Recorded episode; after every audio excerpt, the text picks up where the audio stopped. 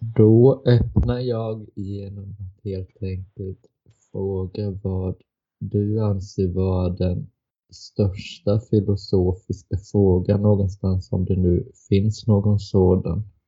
Alltså utifrån min egen personliga ingång till det så, han, så centreras det mycket kring vad, alltså frågan om det goda. Vad, vad är det goda och hur kommer man åt det och vad, vad är ett gott liv och så. Eh, som ju är en ganska klassisk filosofisk, kanske den mest klassiska filosofiska frågan. Och, eh, så det är väl någon typ av moralisk eller värdeorienterad fråga som jag återkommer till.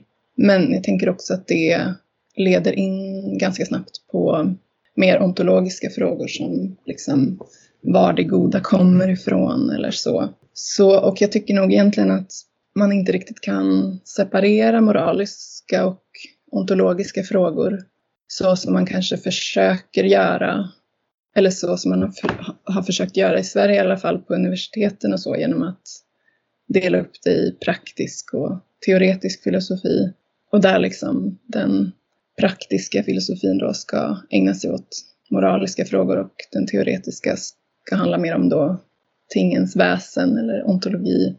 Men jag tänker att man liksom inte kan, man kan inte riktigt ha en moral utan en ontologisk grund. Och att en liksom, ontologisk uppfattning också alltid leder till vissa etiska implikationer eller så. Så ja, ungefär så tänker jag. Det är ju ungefär det där vi tänkte att vi skulle tala om då, för vi hade ett avsnitt om Nietzsche här förra gången och det är ju på något sätt den naturliga fortsättningen. Att vad, vad blir kvar av människan? Går det att tala om människan genom alla tider och vad som är gemensamt för henne? Och det baseras ju lite också i en text som du skrev om de här frågorna. Eh, banalitetens tragedi var, var temat i den texten. Ja, där så utgår jag ifrån lite grann att liksom, tesen att det universella på något sätt har gått förlorat. Eller just den här idén att vi har något att säga varandra över olika historiska epoker eller mellan dem. Eh, och att det har gått förlorat lite i, i moderniteten kanske. Eh, jag försöker väl liksom ifrågasätta den tesen lite som man också möter liksom i, kanske på universitetet eller eh, på andra platser, att man lätt får intrycket av att människor är så olika, olika varandra genom, me mellan olika historiska epoker och att man liksom inte längre tycker sig ha rätt att, eller kan dra några liksom växlar om människans natur eller något universellt så genom att studera historien. Um, för att man ser det som att det skiljer sig så radikalt från där vi befinner oss nu. Att man liksom inte längre har, har den universella gemensamma grunden på något sätt.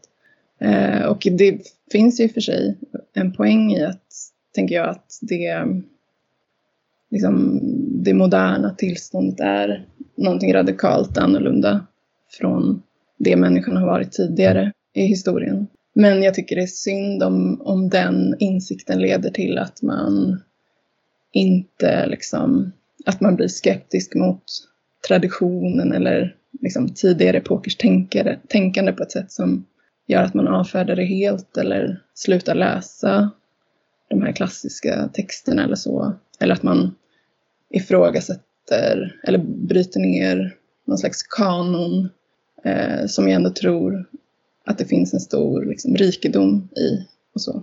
Jag tycker det är något som har känts mycket fattigt under mina universitetsstudier. Det här epokiserandet av människan och att det ständigt betonas detta som ju i en bemärkelse är sant och att vi tänker utifrån vår egen tid men det är ju svårt att se hur man ska komma någonstans om allting bara är ett tänkande utifrån sin egen tid.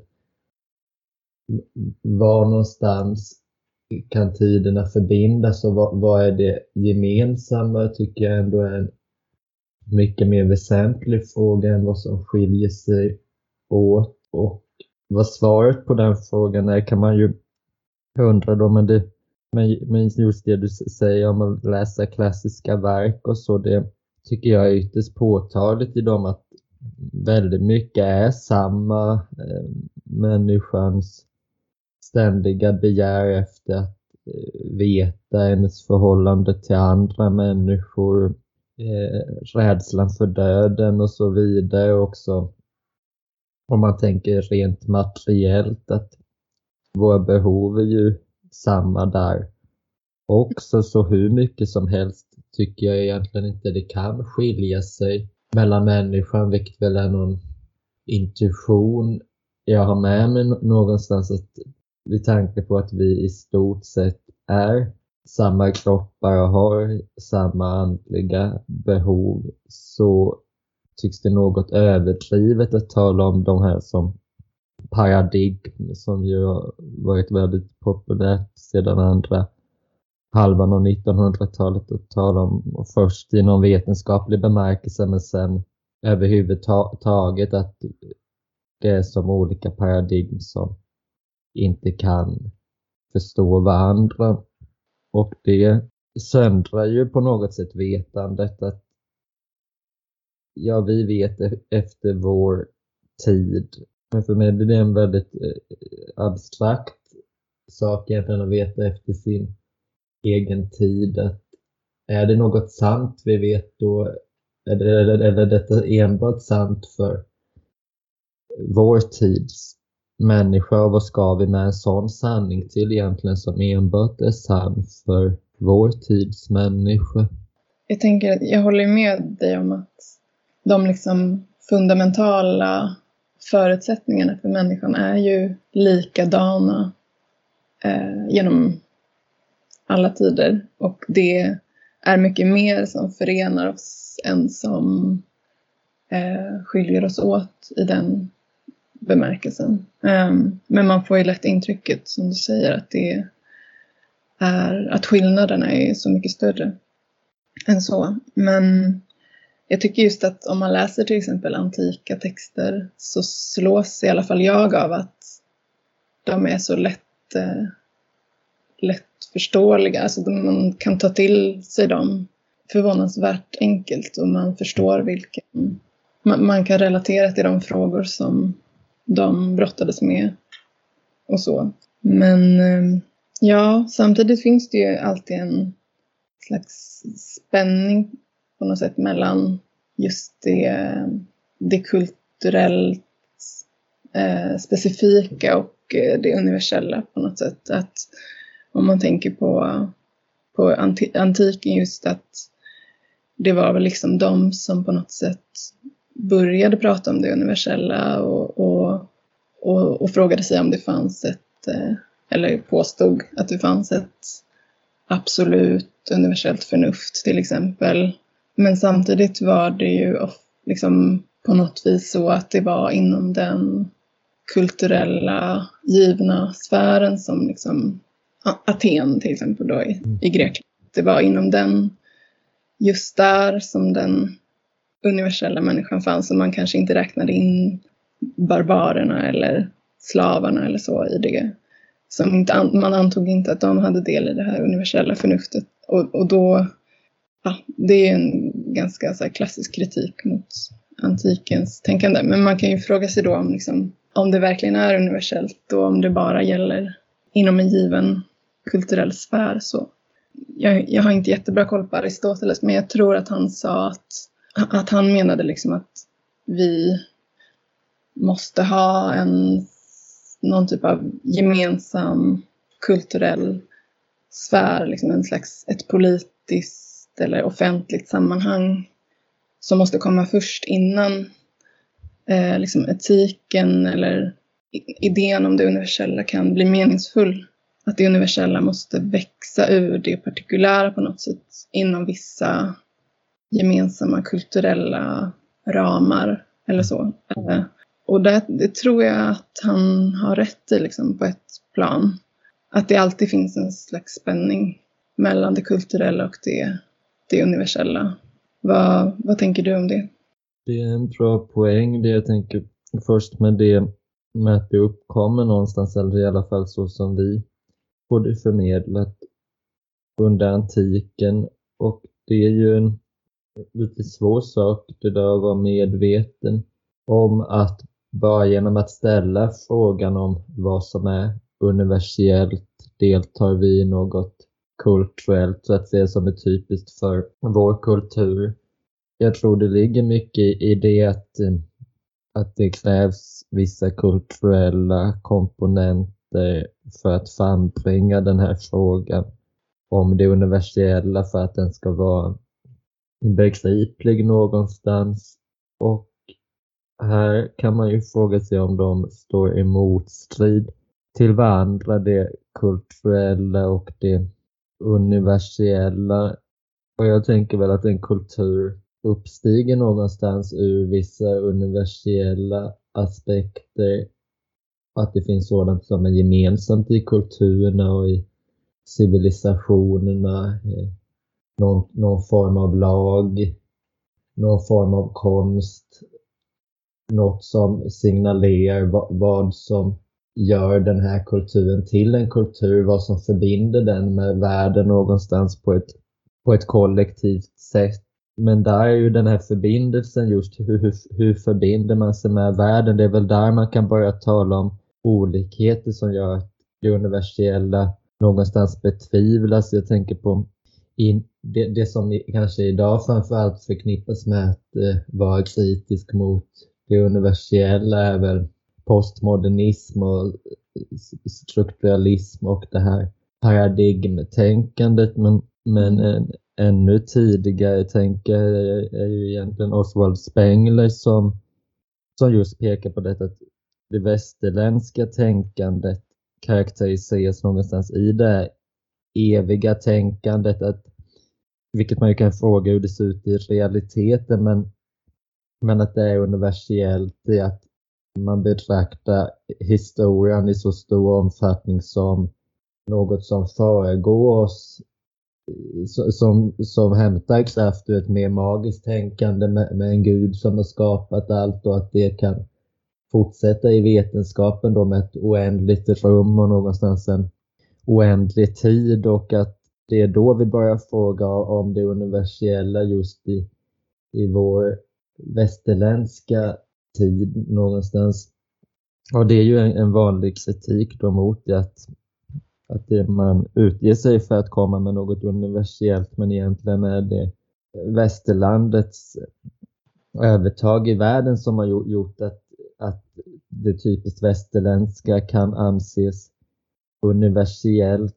Så jag tror det är viktigt att hela tiden vara kritisk att, mot vad är det universella men samtidigt också inse vad man kan fastna i genom att någonstans bestrida att det universella eh, finns någonstans. Att är det egent, egentligen skulle jag mena att det är något senare i processen man talar om som mer olika mellan olika epoker. Så som hur en kultur förbinder sig med världen, det är olika, men att kulturen på olika sätt förbinder sig med världen, det är samma och det ser jag egentligen som en djupare aspekt än på vilket sätt det faktiskt sker så att säga. Mm. Ja, precis. Jag, jag tänker att Alltså, ah, vi har ju nämnt antiken, men jag tror också att man ska nog inte underskatta den kristna, det kristna tänkandet i, som ju då är västerländskt i hög grad, i hur man ser på det universella eller hur det har liksom tagit sig uttryck i idéhistorien och så. För jag tänker att ja, men det, kom, det universella kommer ju in i hög grad genom liksom Gud och den idén att alla människor är skapade i Guds avbild och så. Och att man kan liksom se det som att senare former av västerländskt tänkande är någon typ av varianter på den idén. Och jag tänker att liksom just så upplysningstänkandet om så naturrätt och mänskliga rättigheter vilar ju på en sån princip att varje människa liksom är jämlik i den meningen att hon bär på något heligt som man inte får skada och så. Och att det, att det i och med liksom upplysningsfilosofin så bytte man ut eh, det här gudomliga mot liksom det naturliga. Man kan se ja, men att det liksom blir en sekulariseringsprocess av det. Jag tänker att det ligger till grund för mycket av den västerländska synen på det universella och då kanske det är lätt att tänka då att det transcenderar det kulturella samtidigt som det är väldigt djupt rotat i en specifik eh, religion eller ett specifikt sätt att tänka som är kulturellt. Då.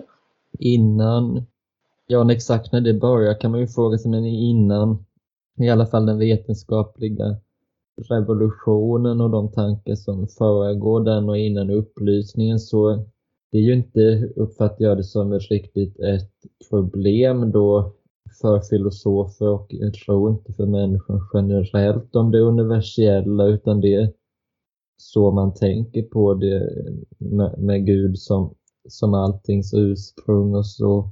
Och här får jag vara försiktig för idéhistoriska förenklingar men jag tänker ändå att Descartes sen som en mycket väsentlig tänka här är att det här problemet med alltså hur kan vi få vetskap om världen någonstans, att det filosofiska problemet blir någonstans till ett, till ett mänskligt problem någonstans, att hur, hur når vi ut till världen, att vi börjar i oss själva och det kan ju på ett sätt tolkas som universellt i att vi alla kan tänka och nå ut till en gemensam värld så att säga, men det har ju blivit någon form av uppdelning mellan människan och världen som väl just innebär att det universella blir ett problem. Det blir något som hela tiden måste diskuteras och det knyter väl an lite till det du sa inledningsvis där om ontologi och etik, att de någonstans hör ihop.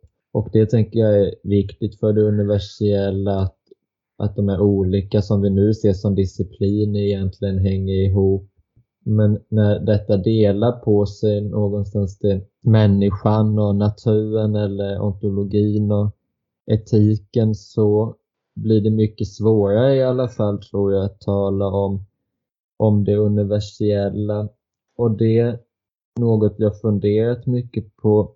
Vad, vad tänker du om det med, med vetenskapen? Är den, är den så som den växt fram från 1600-talet ungefär? Är den vad i den är universellt eller är något i den universellt? För jag tänker att den, eh, jag tänker att den är gemensam för alla människor utger den sig för var någonstans och har något begrepp om något evigt rum och någon evig tid i någon bemärkelse. Vad tänker du om det?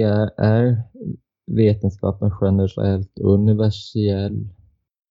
Mm, alltså Ja, som du säger, den utger sig för att vara det, men samtidigt tror jag att den är väldigt betingad av en viss typ av ja, men ontologisk värld, ja, världsbild eller en viss metafysik nästan där man som, som är just specifikt västerländsk eller det är liksom det är ingen slump att vetenskapen har uppstått i i en västerländsk kontext. Jag tänker att det bygger väldigt mycket på just en uppdelning mellan subjekt och objekt. Där man liksom tänker sig världen som objektiv utanför och skild från människan och som någonting man kan liksom studera och dissekera och eh, vinna objektiv kunskap om. Och eh, jag tänker att det bygger lite grann på att man har en, en metafysik där, där Gud är inte liksom är ett med världen. Alltså inte en, inte en liksom panteistisk gudsbild. För om man hade en sån så skulle det kanske hindra den typen av separation mellan människan och världen som jag, tänk, som jag ser som liksom grunden för, för vetenskapen. Ungefär så. Så jag skulle nog säga att vetenskapen är kanske inte universell i den meningen. Eller den har en specifik, en specifik historia och en specifik metafysik. Det, det är liksom grunden till det vetenskapliga tänkandet på något vis. Jag tror också det, för, för jag tror att vetenskapen med dess begrepp om det universella så är det någonstans centrerat vid människan. Människan genom tiderna och människan här och nu också. Att alla människor kan ta sig till detta.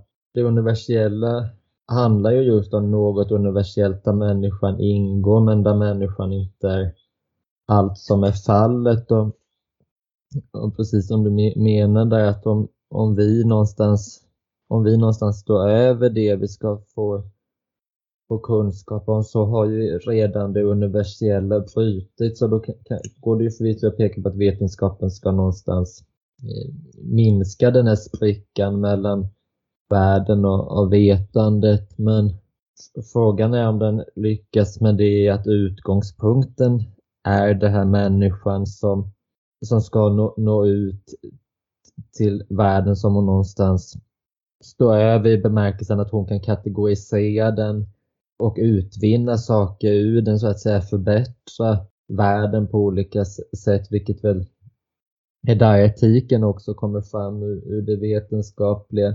synsättet och jag tänker också på hur vetenskapen måste förutsätta vissa kunskapsvägar eller en specifik kunskapsväg egentligen att det är den empiriska vägen till att få kunskap.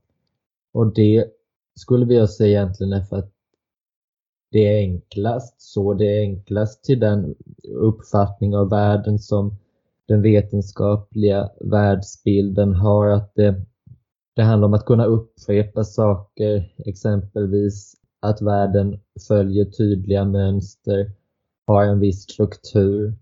Och då är det någonstans det empiriska som står kvar som, som kunskapsväg. Men då har man ju inte egentligen fått med alla, alla vägar till kunskap utan bara den enklaste vägen som hänger ihop väldigt mycket med specifika historiska skeenden.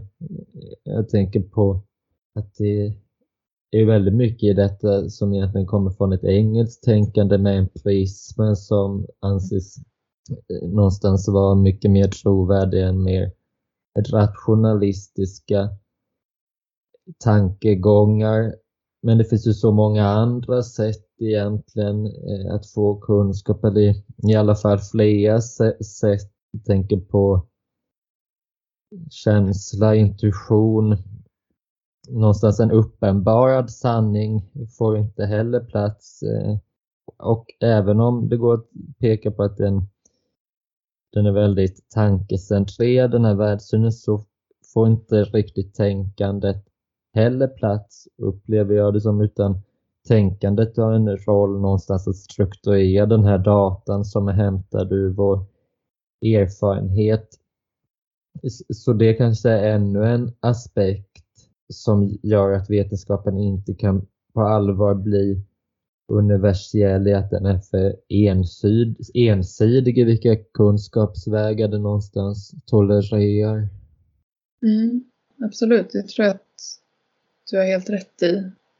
Ja, det, jag tänker att det är lite det som i alla fall vissa delar av postmodernismen försökte göra upp med och liksom återföra, eller ja, att just eh, underminera lite den här dikotomin, eller vad man ska säga, mellan just det subjektiva och det objektiva och mena på att det inte det är inte bara det objektiva som vi måste, eller som vi vill komma åt, utan det, det subjektiva är på något sätt också en lika eh, giltig väg till kunskap på något vis. Och eh, mm, samtidigt har ju liksom postmodernismen i och med att man försöker upplösa alla de här, de här strukturerna eller de mönster som du är inne på eh, som liksom empirismen eller vetenskapen har försökt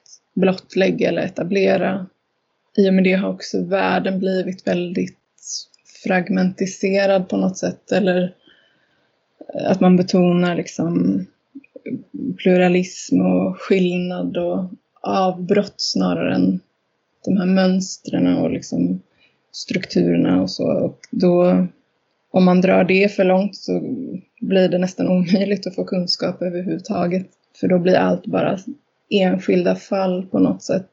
Ja, det är ganska tacksam antagonist eller vad man ska säga vetenskapen får med postmodernism. För postmodernismen fixar efter väl egentligen den vetenskapliga världsbilden som universell på ett plan. Att man, pek, man pekar ju delvis på att den inte är universell men det är ju genom, genom en det är ju inte genom att hävda det universella så att säga man hävdar att den inte är universell utan att hävda omöjligheten av det och då blir någonstans vetenskapen det positiva i bilden och som du är inne på, postmodernismen blir något söndrande och något som gör det svårt för oss att egentligen få kunskap.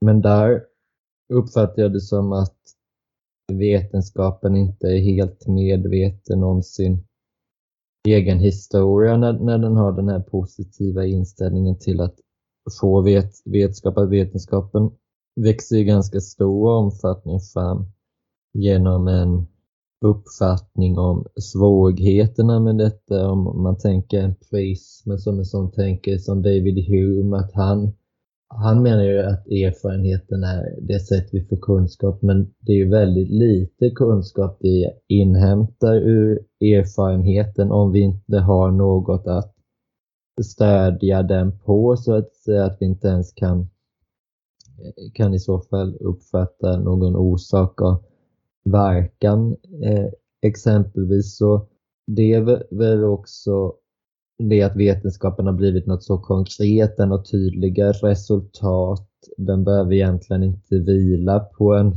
väl genomtänkt världsuppfattning utan kan he helt enkelt vila på sina bedrifter, att den har lyckats förädla naturen, att den har ly lyckats att strukturera naturen och på olika sätt hjälpa människan och där står ju människan i centrum och det blir så att säga det nya universella att eh, människan är så central.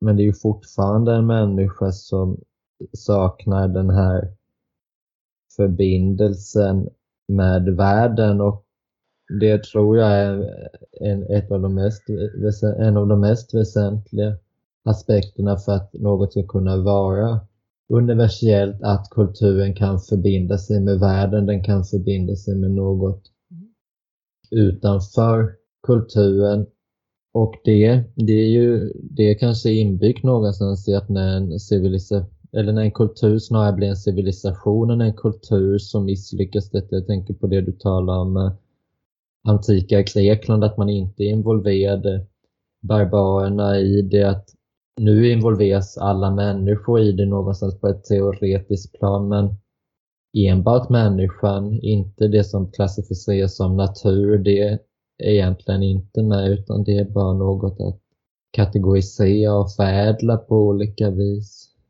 Det finns ju någon slags alltså kontinuitet i, åtminstone från franska revolutionen kanske och framåt att man försöker vidga det universella till att omfatta liksom, så mycket det bara går på något vis. Att först, eh, först fick man liksom, allmän rösträtt men det var för män i en viss samhällsklass och så. Sen har man utökat det och eh, vidgat det till att omfatta slavar och alla samhällsklasser. Och sen går man vidare och försöker i vår samtid, tänker jag, att det finns en sån tendens att vilja utöka det begreppet till att omfatta eh, naturen också och djur och att, och där på det viset är ju det universella närvarande, tänker jag, just i den här rättighetsdiskursen på något vis.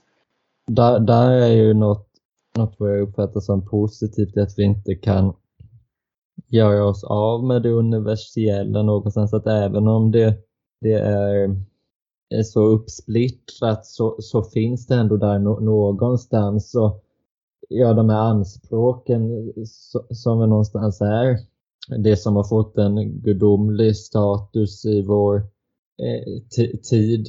Eh, men det är ju det, ja, det är, är väl det som är, är egentligen kärnan till problemet att det inte riktigt går att slå fast att, univers, att det universella är närvarande i vår tid, att det är så det är ytligt egentligen helt enkelt att ta, tala om, om det som mänskliga rättigheter och liknande. Att det i en bemärkelse så är det ju närvarande. Det är närvarande i, i vilka rättigheter vi har och hur vi betraktar oss själva i vissa länder i alla fall.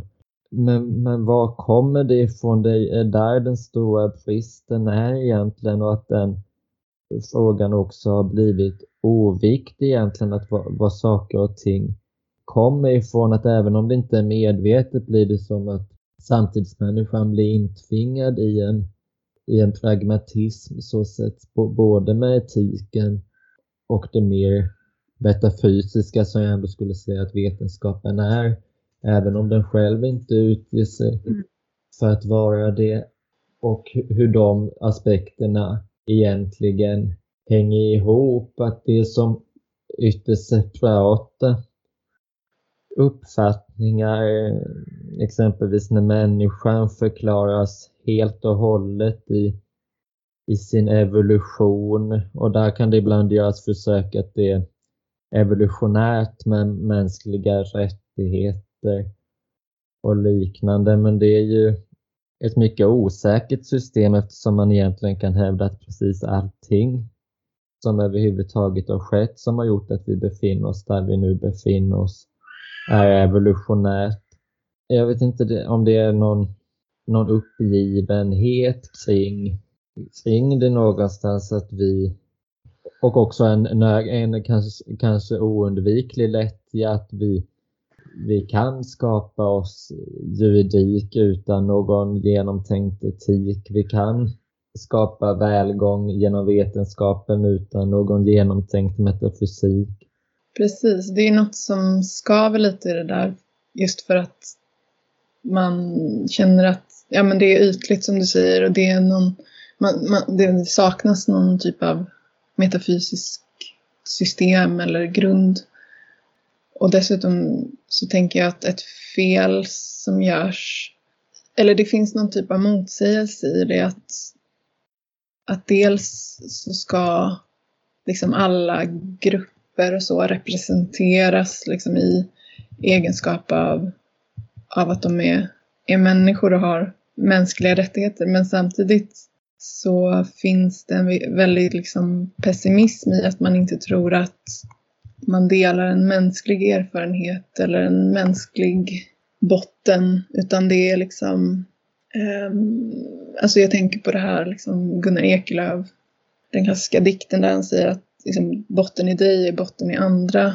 Liksom, det är det synsättet man har övergivit på något sätt och, och istället tror man att liksom, botten i, i kvinnan är kvinnan på något sätt och eh, botten i mannen är mannen och liksom, man delar inte längre, man tror sig inte längre dela en grundläggande mänsklig erfarenhet. Så det är en, någon typ av motsägelse där. För det finns ju en, liksom en stor pessimism i det också. Att man är liksom instängd i sig själv på något sätt. Och att det blir svårt liksom, att tala om det mänskliga som sådant. utifrån ett sådant synsätt. Det, det blir bara just unika, olika typer av unika erfarenheter som ska meddelas eller representeras och så. Samtidigt som man just lite omedvetet tror jag utgår ifrån en idé om det universella just i upplysningens bemärkelse med, med rättigheter, naturliga rättigheter och så. Men man har liksom inte artikulerat den, den ontologiska grunden för det. Eh, så då blir det rätt tomt på något sätt. Ja, det är som att det är olika subjekt, olika kollektiva subjekt som någonstans strider om det universella. Det är som en förvissning av att det universella finns, men vi har det inte nu i vår upplevelse utan måste kämpa oss fram till det. Och det tror jag väl, det kanske är ett, egentligen ett sätt att förena den här förvirringen mellan en verklighetsuppfattning som bygger mycket på evolution och så en Eh, moral som snarare är kristlig skulle jag säga. Ehm, att då, då får man ha den här kampen om etiken, en kamp som någonstans går bortanför det man eh, vill nå någonstans. Precis, det är någon typ av blandning mellan en universalism och någon typ av postmodern vilja till makt idé att allt är, eller ja, det är ju någon typ av evolutionärt tänkande då att allt är en kamp om makt eller resurser och så. För det är ju någonstans som, det, det är väl det att det är så historiskt att det nästan blivit myter om det att alltså inte myt i bemärkelsen lögn utan mytologiserat att människan har stridit för demokrati och kvinnan har stridit för sin roll i samhället. Att det gör ju den mytologiska ställningen så att säga och den kampen mot det universella. Det är samtidigt då som man talar om att det är medfört de här rättigheterna. Men ja, det är någon, någon omöjlig dissonans där på något vis. Ja, för jag uppfattar just vår samtid som väldigt, på ett plan väldigt moralistisk eller moraliskt orienterad. Och samtidigt är det en fullständig avsaknad av metafysik. Så det är just det här brottet mellan moralen och ontologin som blir så tydlig där, tycker jag. Ehm, det är en komplex fråga varför, har blivit, varför det har blivit så. Men det har väl någonting att göra med, någon, med liksom modernitetens fragmentisering eller ja, någon typ av splittring. Eller vad, har du någon idé om det? Ja, jag tänkte på, vi skrev lite om innan, inför det här avsnittet där eh, om, om Immanuel Kant där med att han eh, menar på att det är omöjligt att få kunskap om tinget i sig och det är ju, kan ju tyckas som en filosofisk uppfattning som har lite med vår historiska verklighet att göra men den summerar ändå något ganska väsentligt tycker jag i det att vi är så att säga grunden till verkligheten och då förlorar väl, även om Kant ju verkligen inte tror den slutsatsen, men, men historiskt den, den upplevelsen av att vara upphovsman någonstans, eller i alla fall mer upphovsman än tidigare till vad som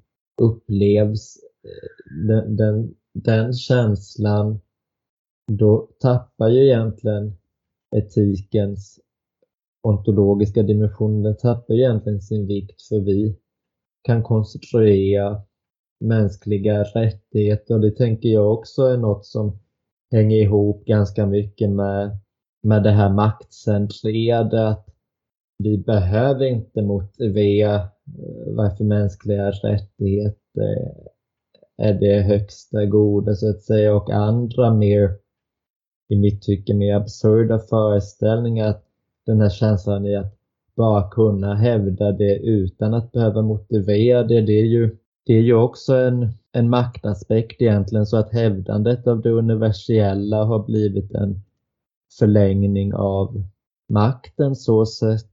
Mm.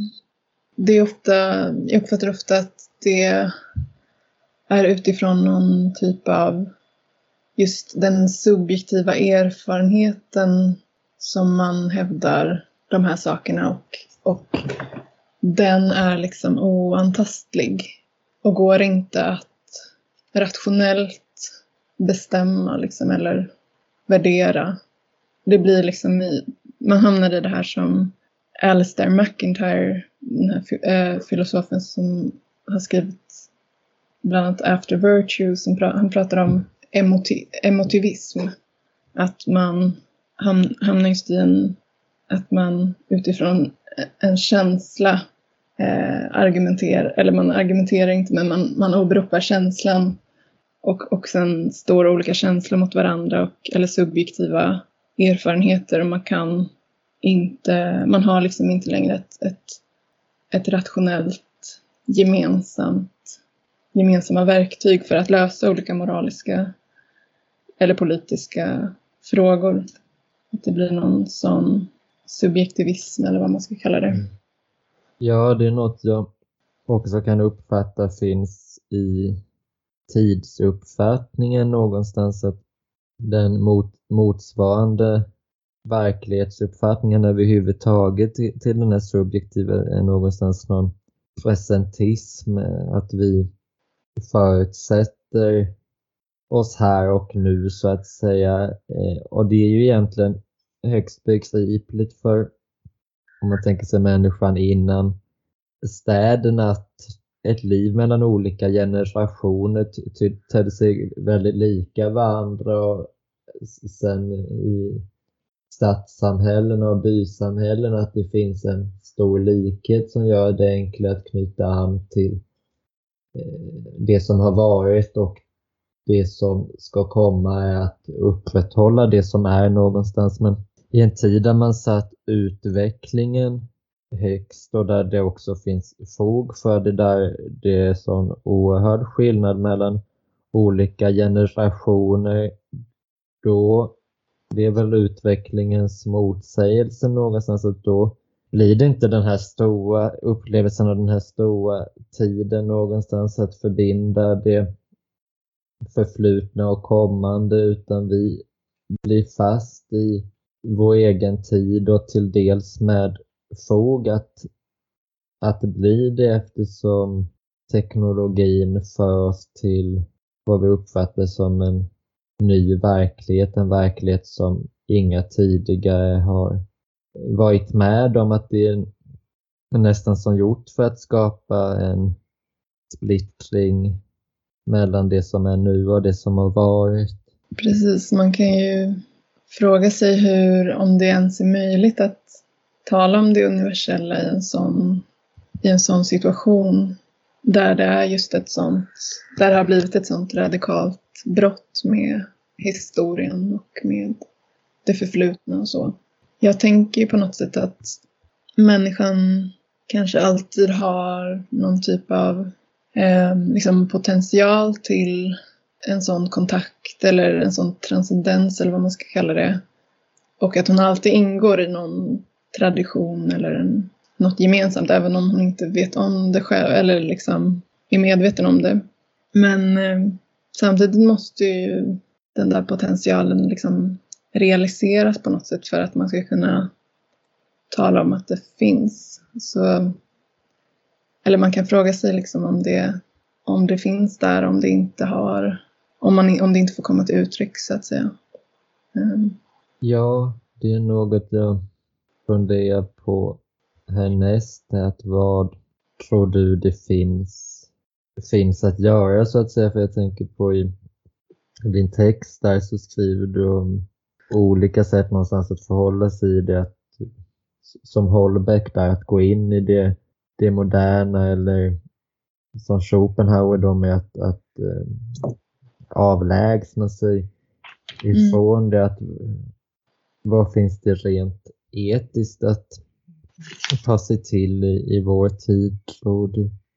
jag tror att det hänger väldigt mycket på hur man som, eh, som individ förhåller sig till till exempel teknologi och, eh, och sådana saker. Att jag tror att man måste på något vis lägga analysnivån på, på den minsta enheten, eller liksom på individen och hennes ansvar eh, för sig själv på något vis. Eh, och jag tror att, jag tror, för det kan ju vara olika för olika personer, men för mig handlar det nog mycket om att dra sig undan lite från det, eh, ja, men teknologin eller mm, staden eller liksom eh, de krafter som man känner eh, försvårar, försvårar för sig själv.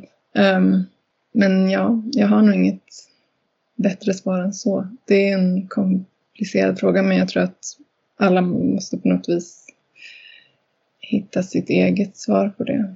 Vad, vad tänker du om det?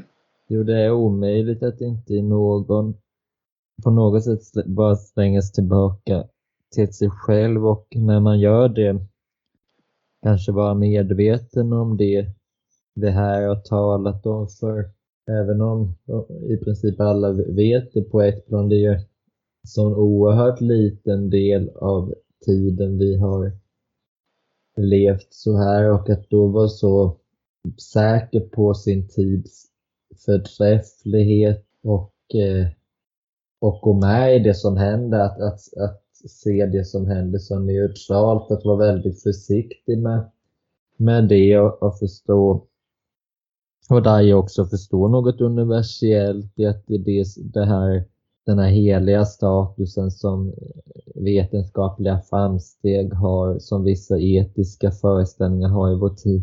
Det är något som finns i alla kulturer och många är snabba med att fördöma det gällande andra kulturer men ser det inte när det väl är i sin egen kultur så någonstans våga omvärdera det vi har fått tilldelat till oss eh, och också fråga sig vad om världen och vad om människan är det vi vill veta något om och varför vill vi det?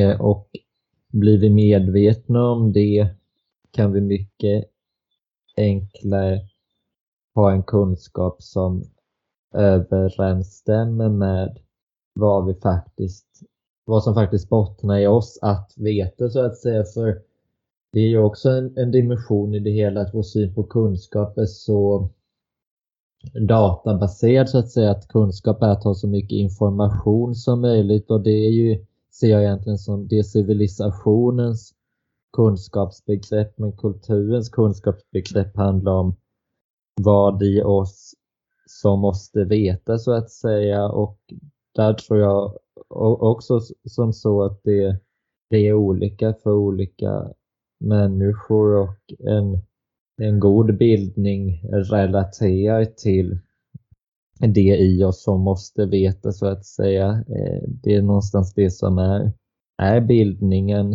Så, så jag mm. tror och hoppas väl ändå det att det är någonstans att bildning ändå kan leda oss väl om det, om det är bildning i den bemärkelsen att det är något i oss som måste veta och inte bara massvis av information så att säga. För det tror jag inte leder oss någonstans att bara ha massvis av eh, kunskap utan att det är relaterat till något, något påtagligt. Mm, verkligen. Ja, jag håller verkligen med. Jag tror att det, det som utmärker kultur snarare än civilisation är kanske just att man är intresserad av det liksom goda livet som knyter tillbaka till det där vi började. Men, och att liksom, hur man ska leva och att man relaterar det till sitt eget liv snarare än att man ackumulerar information eller kunskap för sin egen skull. Så ja, jag, jag delar din bild där. Tänker du att det finns någon, något större så att säga som kan vi har talat om klyftan någonstans mellan ontologi och etik? Finns det något, något utöver individen som så att säga kan göra att de här aspekterna närmar sig varandra? Ja, men då är, då är det kanske det jag nämnde tidigare, att, någon, att jag ändå tror att alla människor har liksom en förmåga till transcendens eller att gå utanför sitt eget jag och in i någonting gemensamt eller större eller högre. Men det är svårt att, att, att säga vad det är som krävs för att det ska realiseras. Det, det kan jag nog inte svara på. Men jag är ändå övertygad om att den potentialen finns.